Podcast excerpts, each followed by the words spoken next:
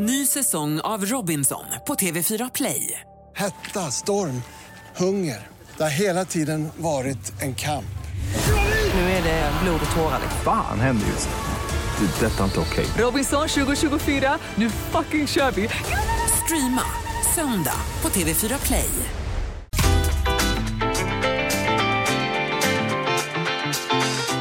Lotta Bromé på Mix Megapol.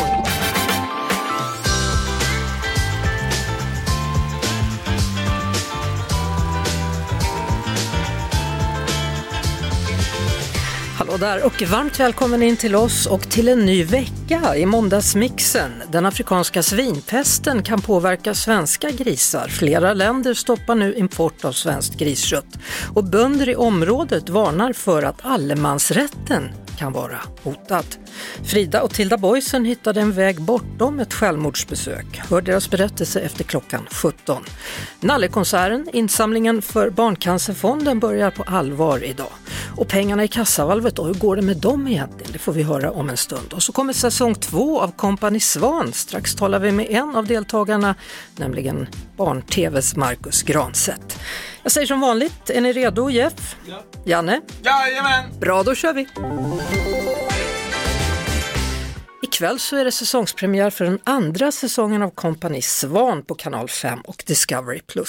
Och en av deltagarna som rättar in sig i ledet den här gången det är programledaren Marcus Granstedt. Hallå där! Hallå där! Ja du Marcus, man undrar, har du gjort lumpen? Nej, det har jag verkligen inte gjort. Alltså jag fick så dåliga betyg och jag ville inte och det var liksom, nej det var inte för mig kände jag. Så att, eh, men nu känns det lite grann som att jag har gjort det, bara lite grann i alla fall. Ja, det sägs att det krävs mod, samarbete och en vilja av stål och blod, svett och tårar för att komma förhoppningsvis ut på andra sidan som en ny starkare människa om man ska klara av det här kompani Svan. Hur var det?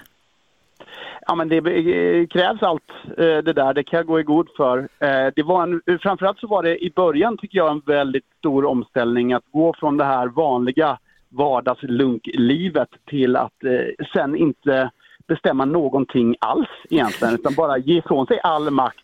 Vet, vi kunde inte ens ta med oss en kaffekopp ifrån matsalen liksom utan och man sover i, eh, man, man sover i våningssängar och det, det är liksom fysiska utmaningar hit och dit och väldigt lite sömn och sådär. Så det, det var väldigt inrutat och ingen makt över sitt eget liv egentligen. Nej, ungefär som att vara med i Let's Dance då antar jag, när du var med där. ja, exakt. Ja, ja, det är oerhört likt faktiskt. Ja. Hur är det med barn-tvn då, om du jämför det med det här?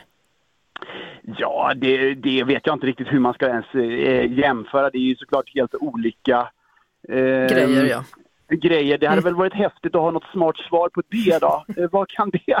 Jag, tror Jag vet det inte. Finns, Att- att- finns det några likheter alls? ja. Kanske att ni var ett gäng som hade kul och lekte Ja. på ett sätt? Ja, men det var väl bra sagt. Det, vi hade ju inte bara kul.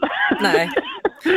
men vi hade ju roliga stunder, absolut. Nej, men det här kanske utforskandet, där har, har du någonting Mm, faktiskt. Att man utforskar ju vem man är och eh, upplever liksom saker tillsammans. Och det är klart, det är ju, barnen är ju på en upptäcktsfärd genom sitt liv. Så här, vad är det egentligen att vara människa? Mm. Och det är ju faktiskt lite grann det som det här programmet också går ut på. För man får ju mycket tid för reflektion även om man ständigt är i någon slags fysisk aktivitet samtidigt. Mm. Eh, Daniel Paris han var ju med förra året och han fick ju en jätteboost av att vara med här. Han gick ju till och med upp och fjällvandra uppe på Kebnekaises topp i somras bara för han hade gjort det här Ja. programmet. Han blev ju helt förändrad. han, han har blivit galen blev han. Ja, och du då? Nej men jag fattar, jag förstår honom. Jag fattar verkligen. Det händer mycket, alltså det som jag kanske landade väldigt mycket i det är att jag är så himla tacksam över mitt liv. Alltså, och, och det är väl Ja. kanske snarlikt det som han upplevde fast på ett annat sätt. Alltså att man, det här som du tar för självklart liksom, det, det, det är, det, det, ibland så vet man ju först vad man har när man blir av med det. Och jag blev av med mycket under den här perioden, även om det såklart var frivilligt att delta. Liksom. Mm. Så, så, så är det ju så här att då fattar man så här, just det, vad är viktigt här egentligen? Så det, det, det uppstår mycket tankar i ens inre. Alltså. Mm. Så det, det blir en aha-upplevelse också för mig faktiskt. Ja, det blir spännande att titta ikväll. Då. Stort tack för att du var med på Mix Megapol, Marcus Granstedt. Ja, kolla 21 på kanal 5. Absolut, hej så länge. Mm. Hej hej! Måndag som sagt. Podplay. Då är det dags för mig att tipsa om en bra podd. Med mig i studion nu Ida Asperud och Alicia Lauterbach från Podplay-podden Vägen till himlen. Välkomna! Tackar. Hur har helgen varit? Den har varit bra. Ja, Vad lugn och skön. Kräftskiva. Solat? Kräftskiva! Ja. Perfekt. Älskar. Solen? Var ni ute? Eh, inte tillräckligt mycket. Okej. Eh, Senast ni var här så pratade vi om att ni vill vara som lyssnarens stora systrar och nu är ni tillbaka efter sommaren igen. Då är det fortsatt två stora systrar som vi kommer möta och höra i podden. Absolut. Ja, vad har ni lärt er sen sist? Jag vet inte om jag har lärt mig så mycket under sommarens paus men eh, vi har haft i alla fall mycket, vi har samlat mycket att prata om i alla fall. Mm. Som vad då? Mest sommarminnen och det vi har gjort och catch up. Ja. Ja. Senaste avsnittet då så gästas ni av Nicole Falciani och Tully Jajek och där pratade ni om att hantera hat på nätet och vad ni skulle ge för råd till era yngre, jag bland annat. Vad skulle de råden bestå av? Berätta. Alltså i grund och botten tror jag väl handlar om att eh, bara sluta bry sig. Att veta om att eh, i grund och botten så, i i slutet av dagen rättare enkelt, så kommer ingen bry sig. Nej, och sen att komma ihåg att folk som är elaka inte mår bra själva. För att folk som mår bra i sig själva och är självsäkra, de har ingen anledning att vara elaka mot andra människor. Men var ni utsatta för det när ni var yngre eller nu? Alltså, Ja. ja. sen vi började jobba med sociala medier, absolut. Ja. Men jag tänker också när man var yngre. Ja, med mobbning och utfrysning och sånt Ja. i skolan. Ja, 100 procent. Men mycket sen man börjar med sociala medier och blir offentlig, då är det ett helt annat. Vad är det för klimat då? Vad är det som händer? Vad skriver folk? Det beror lite på vilken plattform man är aktiv på skulle jag säga. På Instagram, så som jag upplevt det i alla fall, så är det ganska lugnt. Mm. För vissa, det är olika. Men eh, TikTok som båda vi två är aktiva och som väldigt många unga är aktiva på, där är klimatet hårt. Ja, vad är det frågan om? För jag pratade med någon häromdagen som sa att det är bedrövligt på TikTok och där är det ju yngre barn. Ni, ni räknas ju ändå som unga vuxna liksom, men vi pratar ju barn nu. Ja, alltså vi ändå som är lite, lite äldre nu, Ja. så gamla är vi inte, men jag tänker vi kanske kan hantera det på ett annat sätt än vad 13, 14, 15-åringar kan göra som börjar bli aktiva nu. Och, Ja. Ja. Så, så vad säger man till dem då? För de är kanske inte så trygga i sig själva att de kan tänka, bry dig inte.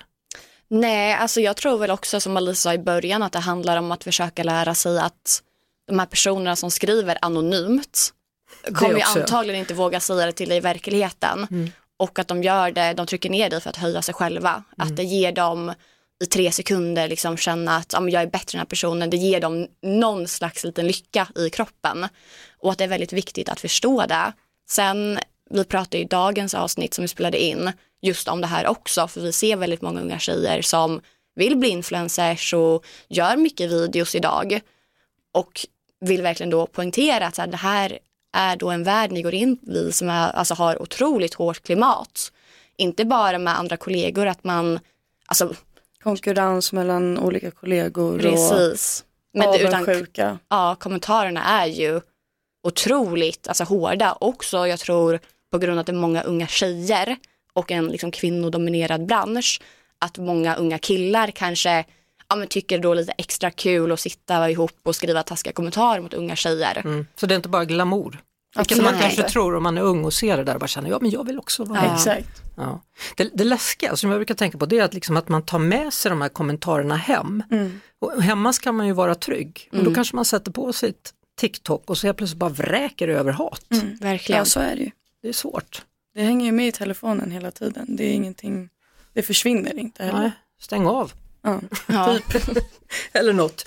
Hörrni, tack för att ni kom hit och gästade Mix Megapol och Vägen till himlen då hittar man i Podplay-appen eller på podplay.se och avsnittet ni spelade in idag kommer på torsdag. Ja. Ja, precis. Tack för att ni kom hit. Tack så mycket. Asperud och Alicia Lauterbach. Lotta Bromé på Mix Megapol. I morse så nåddes vi av nyheten att flera länder stoppar import av griskött från Sverige eller grisprodukter från Sverige efter utbrott av den afrikanska svinpesten. Med mig nu ordförande för Sveriges grisföretagare Johan Eriksson. Välkommen till Mix Megapol. Tack så mycket. Ja du Johan, hur har egentligen den senaste tiden varit för era medlemmar? Ja, den har ju varit lite oroligare än tidigare, eller ganska mycket. Ja, hur, hur känner du själv? Ja, jag står i något slags mediebrus eh, där eh, alla vill prata med mig och det är lite ovant. Ja, vad, vad är de vanligaste frågorna som ni får? Det är ju hur vi uppfattar oron och det är det jag kan svara på, en av de få sakerna. Expertis kring hur smittan ska utrotas och hur smittspridningen går till och så där hänvisar jag till myndigheterna. Mm. Eh, Japan och Australien är ju några av de länderna då, liksom Ukraina som har tackat nej då till import av svenska restprodukter från den här grisuppfödningen då. Är det allvarligt eller inte? Jo, men det har ju en påverkan på lönsamheten hos de företagen som förädlar våra produkter, alltså våra grisar. Så det, det är, och för oss i slutändan betalningsförmågan till oss. Så det är klart att det påverkar ekonomiskt. Så vad är det viktigaste nu, tänker du? Eh, det viktigaste nu är att vi utrotar ASF, alltså afrikansk svinpest. Ja. Och försöker göra det på, så fort som möjligt och ta hjälp av experter från länder som har lyckats och, och ta del av erfarenheter hur man har gjort det. Precis som Karl Ståhl sa på, på presskonferensen här. Mm. Alltså det tog två år då i Belgien och, och Tjeckien, det låter som lång tid. Det är lång tid och jag hoppas ju verkligen inte att de här restriktionspaketen som ligger nu på Fagersta och Virsbo och Engelsberg ska ligga så lång tid för deras skull. Utan eh, är det några som får, får verkligen ställa upp och, och bli instängda så är det ju Fagersta kommun och Norberg och Mm. de samhällena runt där. Vad vill du säga till den svenska konsumenten då? Att man behöver inte känna oro för att, för att äta griskött eller köpa griskött fortsatt. Utan det här går ju bara på grisdjur utan det är ingenting som människan blir sjuk av. Och, eh, det är ju tur det. Eh, men det är ju en väldigt allvarlig sjukdom för grisen och en plågsam sjukdom. Så att för deras skull så måste vi utrota den här. Tack så mycket. Johan Eriksson, ordförande för Sveriges grisföretagare. Du lyssnar på Lotta Bromé på Mix Megapol. Vi ska fortsätta att prata om den här afrikanska svinpesten. För hur är det egentligen att ha en av de större grisgårdarna i närheten av det avspärrade området?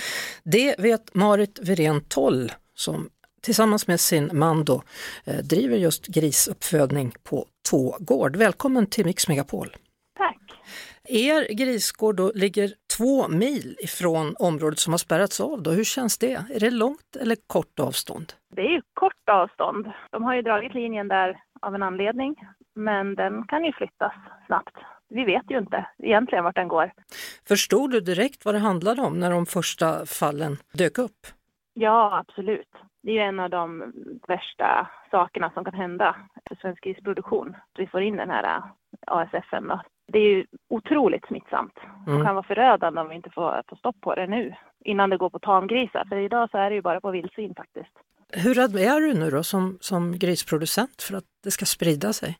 Ja, men jag är jätterädd såklart. Jag är inte så orolig liksom för den skull att det ska komma in för vi har ju ett otroligt högt eh, smittskydd och är väldigt noga med rutiner och sånt.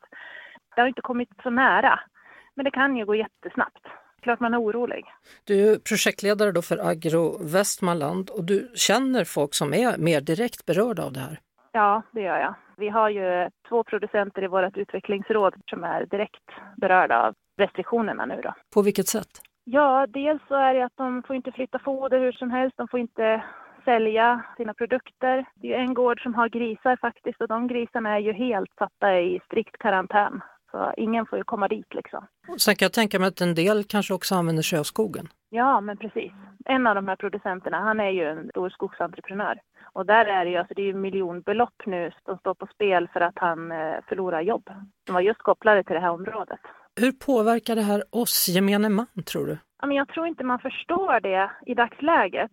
Får vi en utbredd smitta nu, det här kanske bara är lokalt och vi får ju hoppas det, men får vi en utbredd smitta så är ju liksom allemansrätten står ju på spel för vi kommer inte få gå ut i skogen och plocka svamp och bär och vistas i naturen med, med våra hundar eller vandra eller vad man nu vill göra utan det här är ju, det kan vara riktigt förödande för gemene man. Det måste man förstå.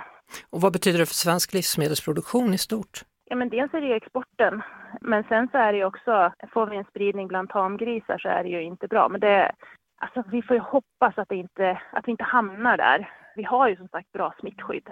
Men det, risken finns ju och det är ju om någon är oförsiktig. Det är viktigt att allmänheten liksom tar de här restriktionerna på allvar och inte går ut och plockar svamp och tycker att det där gäller inte mig. För att det gäller liksom våran livsmedelsproduktion. Och det blir ju transportproblem och sådana här saker. Det är inte bara transport av grisar och så, utan det är ju transporter generellt i de här områdena som är smittade. Vi får ju anmäla till Jordbruksverket nu ska göra någonting och ja, det blir ju besvärligt. Det är läskigt när du säger det här om allemansrätten, för den har man ju alltid levt med. Ja, det är ju en rättighet tycker man ju. Men i det här läget så har vi skyldigheter som allmänhet. Så vad, vad känner du, vad hoppas du och din man på nu då, framöver? Ja, men att man lyckas isolera den här äh, smittan liksom, i det här området. Att man lyckas få tag på alla grisar som är smittade. Så att det inte blir större konsekvenser. Det är liksom absolut viktigast. Att man får tillgång till alla resurser så att folk kan gå ut och jaga de här grisarna nu då. Det blir ju att ta bort dem helt i det området. För att minsta lilla som finns kvar finns det risk för att ett uppslag av smitta kommer igen. Så det är väl det vi hoppas på. Mm. Afrikansk svinpest. Ja. De flesta av oss visste inte att det ens fanns något som hette så. Nej, och hos en grisproducent så blir det kalla kårar. Ja, förstår det. Ja, nej usch, man vill inte se sina grisar sjuka. Det är ju så. Usch. Mm. Marit Wirén 12 på Tå gård. Ja, Tack. Ja, tack Hej. så mycket. Tack. Hej. Lotta Bromé och den perfekta mixen på Mix Megapol. Frida Boysen och hennes dotter Tilda släpper nu en bok som heter Aldrig släppa taget om vägen tillbaka till varandra efter en lång tid av dåligt psykiskt mående som till slut mynnade ut i ett självmordsförsök. Frida, som mamma då, eller som förälder, hur förstod du att det inte var riktigt bra? Nej men det kom ju gradvis. Tilda var ju en, en helt strålande glad tjej och det är det ju egentligen. Alltså du har alltid varit en sån här jättestort leende, 100% energi och allt det där. Men sen började den Tilda försvinna. I åttonde klass ungefär så märkte jag att du, du mådde bara sämre och sämre. Jag förstod inte riktigt vad som hände men det, var, det var, blev en ond spiral. Allt ifrån skolan som hade liksom gått strålande fram till dess, liksom bara massa fina betyg och grejer. Plötsligt så kom det F-signaler och man bara oj, vad är det som händer här? Jag blev väldigt förvånad, men, men vad är det som händer? Liksom? Vad, hur är det? Och du blev väldigt, väldigt arg på mig. Och jag, ja, vi missförstod varandra, men jag, jag upplevde liksom att du var skitförbannad och, och att vad jag än gjorde, och det känner säkert många tonårsföräldrar igen sig, liksom att vad man än gör så gör man bara fel och får skrik och smällar i dörren. Men det här blev liksom värre än så. Menar att, att du till och med kunde liksom skada dig själv och skrika att du inte orkade leva längre. Och då, då blir man väldigt, väldigt rädd. Särskilt jag som har en mamma som har tagit livet av sig känner bara att jag kan inte låtsas som att jag inte hör det här. Det finns inte på kartan. Tilda, hur mår du där då? Det blev så mycket missförstånd egentligen och det kändes som att allt blev fel. Att, eh, ja men hemma så, jag var väldigt arg och väldigt sur och väldigt ledsen och när vi försökte prata och försökte vara med varandra så kom vi aldrig fram utan det kändes bara som att allt blev missförstånd och att det inte ens var värt att försöka. För jag kan tänka att som vuxen då så kanske man tänker, är hon mobbad i skolan? Men det Mm. handlar inte om det. Nej, inte alls för mig. Jag har alltid haft fina vänner. Så det var mer att jag inte orkade. Det var så jobbigt att bara ens ta sig upp ur sängen att det var så tungt för mig att jag inte orkade gå till skolan. Egentligen, jag vill inte dö men jag vill inte heller leva utan jag, jag orkar inte. Jag vill bara lägga mig i ett mörkt rum och försvinna. Hur ska man som förälder göra i ett sånt läge? Ja, det är väldigt svårt att säga för alla men eh, vad jag har sagt till dig egentligen är väl att man ska bli bättre på att lyssna och inte alltid komma massa lösningar. För så har ju du ofta varit ibland, det är så här, jag bara, om jag orkar inte, jag mår så dåligt. Och bara, men när jag mår dåligt, jag gör så här. Och det är fint, men det är inte alltid det man behöver. Utan det är fint att bara kunna ha någon som lyssnar. Det har jag fått öva mig på kan man säga. Ja. ja, men man vill ju göra det man kan för sitt Mm. barn, det är ju inte så konstigt.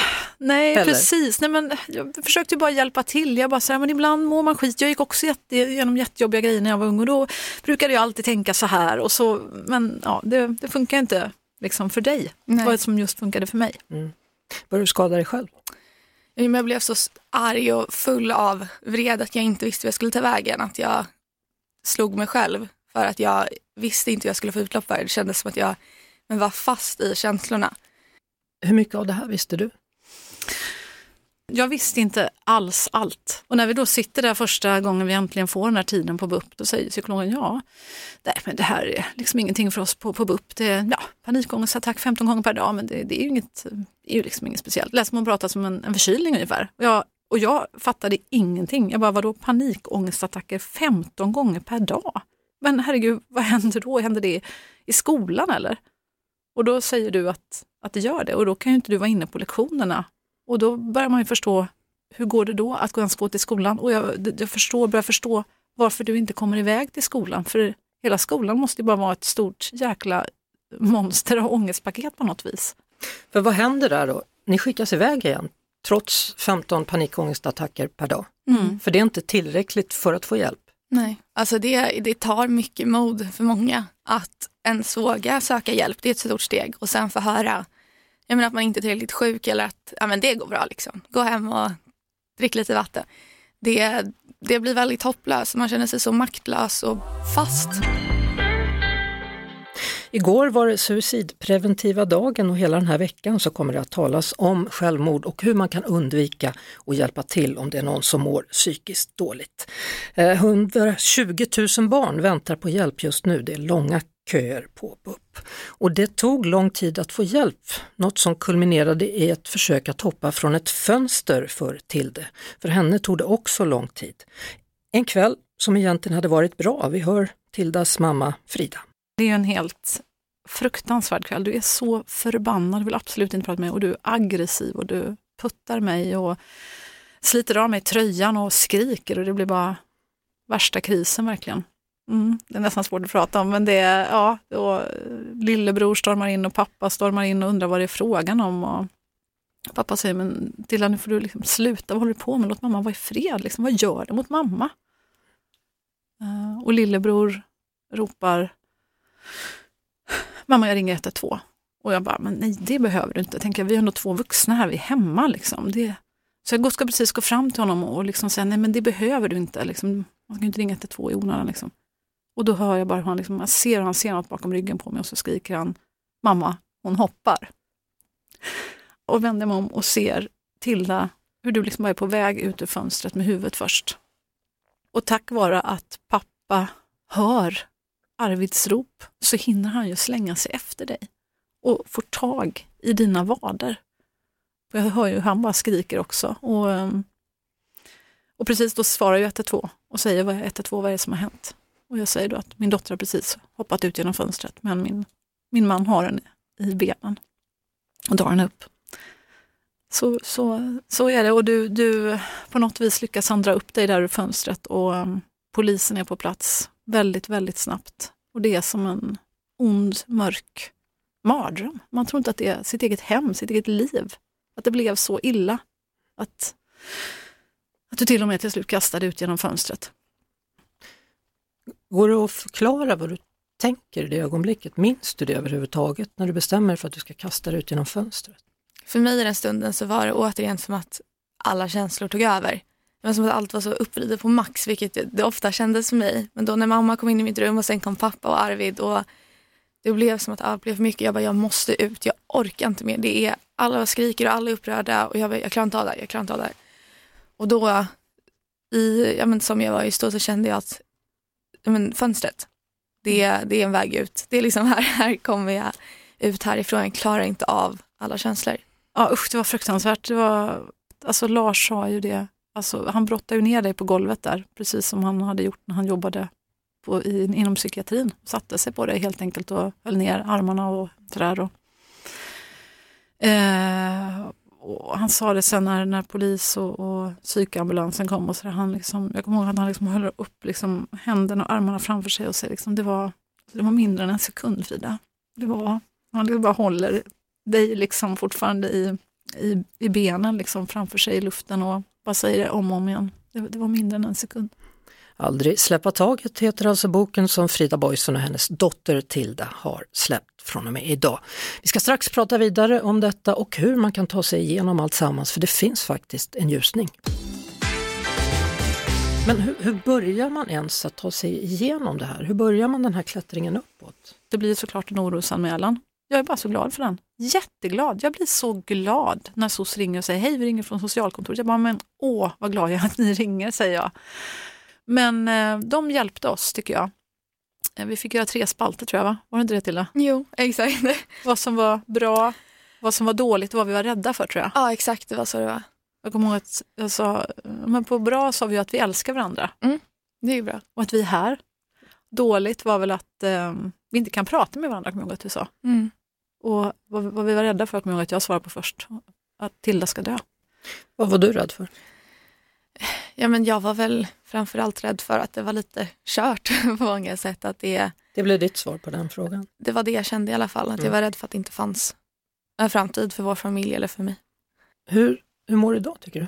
Ja, men idag mår jag bättre tycker jag absolut. Mm. Eh, det är mycket finare. Vi har mycket bättre kontakt och relation, vilket har betytt mycket för mig. att det Ja, men nu när man går hem så är det så här, oh, vi kan kolla film eller visa eller whatever. Och det, det är väldigt mysigt att kunna få ha det och få ha den tryggheten. Eh, men sen så är det ju inte alltid bra. Det är det inte för någon. Om, om nu någon sitter och lyssnar och har ett barn mm. som mår så som du mådde, vad, vad, vill du att han eller hon ska veta? Hur kan man hjälpa? Hur kan man stötta? Ja, men det är väl mycket det som vi sa i början också, att försöka lyssna istället för att lösa. Bygga tillit, att du kan berätta saker för mig och jag kan bara vara här, bara lyssna, höra och älska dig. Ett tips för hur man kan nå fram till varandra, för mm. det är mm. det som i alla fall var väldigt mycket av våra problem och det var ju för oss blev att snappa. Testa det, det kan jag tipsa alla föräldrar om där ute. Alltså du vet istället för att stå där och säga vad som helst, alltså någonting som man kan tycka är ofarligt men man vet aldrig vad det är som triggar. Och sen att skriva. Försök börja skriva till dig själv och, och, och kanske kan visa varandras eh, skrifter för andra. Jag, jag, har fått lära mig så mycket genom att läsa dina kapitel mm. om hur det faktiskt har varit för dig. Ja, det är lite häftigt här att ni har vartannat kapitel. Liksom. Mm. Och ibland så beskriver ni samma händelse, ibland inte. Man har fått lära sig mer och också fått mycket, mycket mer förstå att vissa grejer du har gjort, jag har känt så här, men är du helt dum i huvudet liksom? Ja, vad fan tänker du?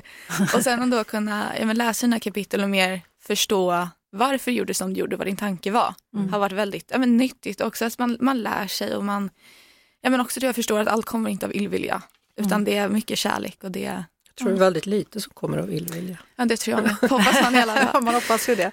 Och jag står ju här i rummet mm. och jag känner ju att ni liksom lirar, är väl ett konstigt men, men ni, har, ni har ju, jag känner ju att det finns en mm. bra kontakt och sen samtidigt så vet jag då hur långt ifrån ni har varit varandra.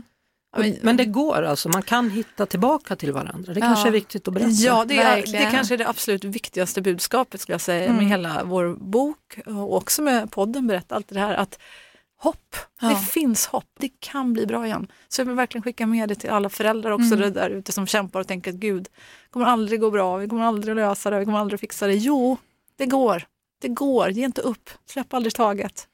Frida Boysen och Tilda Boysen, stort tack för att ni kom hit och ville berätta. Tack, tack för att vi fick Lotta komma för ett hit. jättefint samtal. Aldrig släppa taget heter alltså boken. Och är det nu så att du som lyssnar känner dig orolig och vill ha någon att tala med, då kan du ringa jourhavande medmänniska på telefon 08-702 1680. Är du barn så kan du ringa BRIS, Barnens rätt i samhället, på telefon 116 111 eller så kan ni ringa Mind självmordslinjen. Det går också att chatta via mind.se eller så ringer man nummer 90101. Det finns alltid någon som lyssnar. Lotta Bromé på Mix Megapol.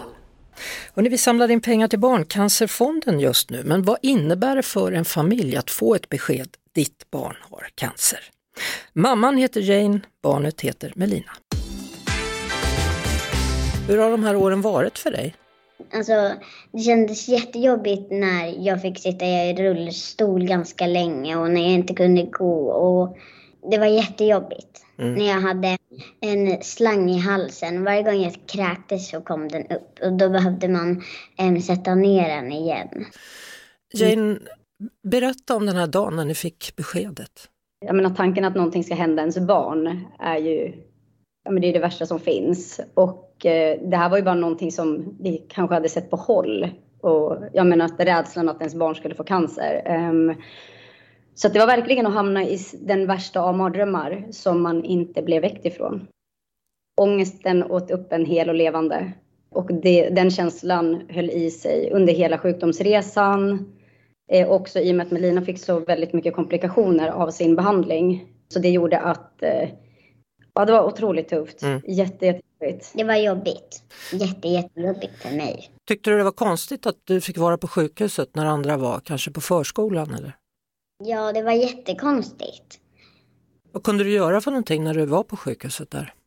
Det fanns en lekterapi där vart man, vart man kunde leka och göra olika grejer. Man kunde pyssla, man kunde rita, man kunde... Ja, vissa kunde klättra.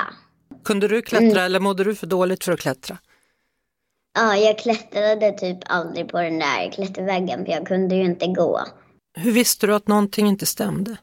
Hon började bli lite orkeslös, fick blåmärken på benen och lite på armarna. Och man märkte liksom att glass fungerade inte längre som en muta när man bara så här att få i dig någonting. Så det var främst det. Vilka berättar ni för sen när ni har fått ett besked? Vi ringde ju familjen och vänner. Det var som att orden kom ur någon annans mun och inte min egen. Att säga så här att ja, men Melina har fått cancer. Och att höra mig säga de orden var ju verkligen som att nej men, är det, mitt, är det vårat barn vi pratar om? Att det här verkligen har hänt. Men det blev också en del i själva så bearbetningen och någonstans sen förstå att men så här var det. Att det är det här som är vår verklighet just nu och kommer att vara det. Upplevde du att människor blev rädda och inte riktigt visste hur de skulle möta dig i olika situationer? Absolut, och jag tror att det är verkligen inte för att man inte vill finnas där, för att jag tänker att människor vill finnas för varandra, men att det finns en rädsla för att säga något fel eh, och att därför backar man undan. Men det var nog mer också när vi eh, väl fick komma hem efter flera månader på sjukhuset och när vi åkte till affären och då så såg de ju på Melina också då som hade tappat håret och så. Många var för, lite rädda att komma fram till oss. Kände du också att de var lite rädda och undrade, Melina? Ja, jag känner faktiskt lite på att de var lite rädda. Vad tror du de var rädda för då? Jag vet inte. V vad ska man vara rädd för? Ja, vad ska man vara rädd för? Så du rakade inte av det håret då, Melina, utan det ramlade av av sig själv? Ja, det ramlade av. Känns det skönt nu då när du har kommit tillbaka? Ja, det känns faktiskt jätte, jätteskönt. Ja, för jag ser att du satsar på långt hår här. Så att, eh, ja, uppsättningar snart kanske. Kan det vara svårt ibland att man har haft en sjukdom som inte syns? För hade du haft ett brutet ben så kanske det hade varit lättare att förklara. Alltså allting, det, det känns bara overkligt. Så här mycket har jag aldrig varit med om. Jag trodde att jag skulle haft ett jättebra liv och så här, men jag har haft ett tufft liv. Vad är det bästa nu då när du inte har det där tuffa livet längre? Skönt. Melina skulle då få behandling mot AML, akut myeloisk leukemi. Om allting skulle gå som det ska så tar den ungefär, men kanske lite mer än ett halvår. Hon skulle få behandlingen genom cytostatika. Första behandlingstillfället varade på 12 dagar och det var en extremt tuff behandling som då i sin tur gav jättemycket komplikationer till Melina. Och då så fick hon lunginflammation och blodförgiftning. Cytostatikan slår ju ut hela immunförsvaret. Man kan säga att kroppen blir liksom nollad från allt den tidigare har haft som skydd. Efter lunginflammationen så hamnade hon i respirator och fick intensivvård. Och sen efter flera veckor när hon hade legat nedsövd i respirator så höll hennes lungor på att ge upp. Och under den här tiden så hade hon hunnit få hjärtstopp och hållit på att gå bort några gånger från oss. Och till slut då när inte intensivvård längre hjälper, då finns ECMO. Och ECMO är, det är, Melina fick som en konstgjord lunga som var på sidan av utanpå kroppen. Det är som en liten maskin som sköter lungorna så att Melinas lungor fick vila. Så själva behandlingen var ju bra. För den eh, tog bort cancern. Men eh, hon fick istället massa komplikationer i och med att den är så otroligt tuff. Och det är ju så att kroppen måste ju pressas på något sätt så nära gränsen som möjligt för att få bort eh, cancercellerna.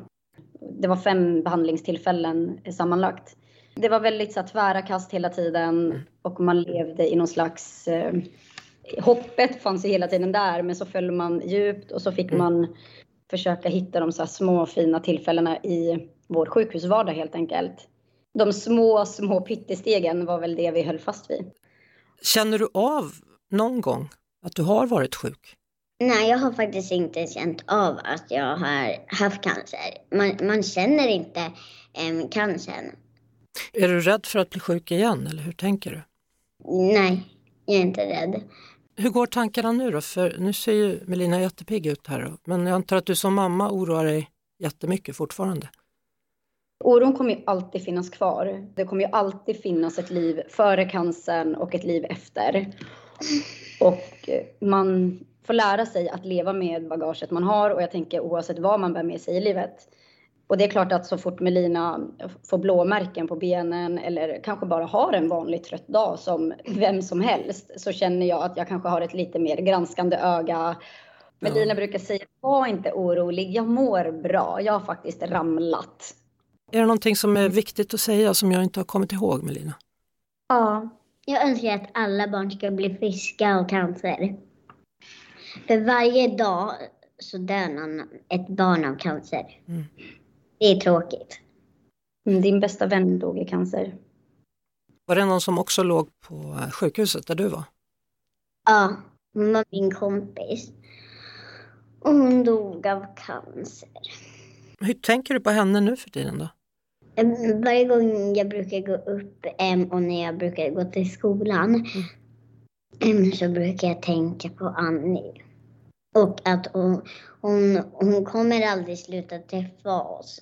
För, men hon, hon ser oss hela tiden. Men vi ser inte henne. Det är bara som luft. Hon finns kvar hela tiden. Det är jätteskönt. Ja. Mm. Melina och Jane, stort tack för att ni ville dela med er av er historia. Tack så jättemycket för att vi fick vara med. Det är viktigt att lyfta. Lotta, Jeanette och Janne säger tack och hej. Det gör också vår producent Jeff Neumann. Och så hörs vi igen då imorgon efter klockan 16. Ett poddtips från Podplay. I podden Något Kaiko garanterar östgötarna Brutti och jag, Davva, dig en stor dos skratt. Där följer jag pladask för köttätandet igen. Man är lite som en jävla vampyr. Man har fått lite blodsmak och då måste man ha mer. Udda spaningar, fängslande anekdoter och en och annan arg rant. Jag måste ha mitt kaffe på morgonen för annars är jag ingen trevlig människa. Då är du ingen trevlig människa, punkt. Något kajko, hör du på podplay. Därför är gardinerna.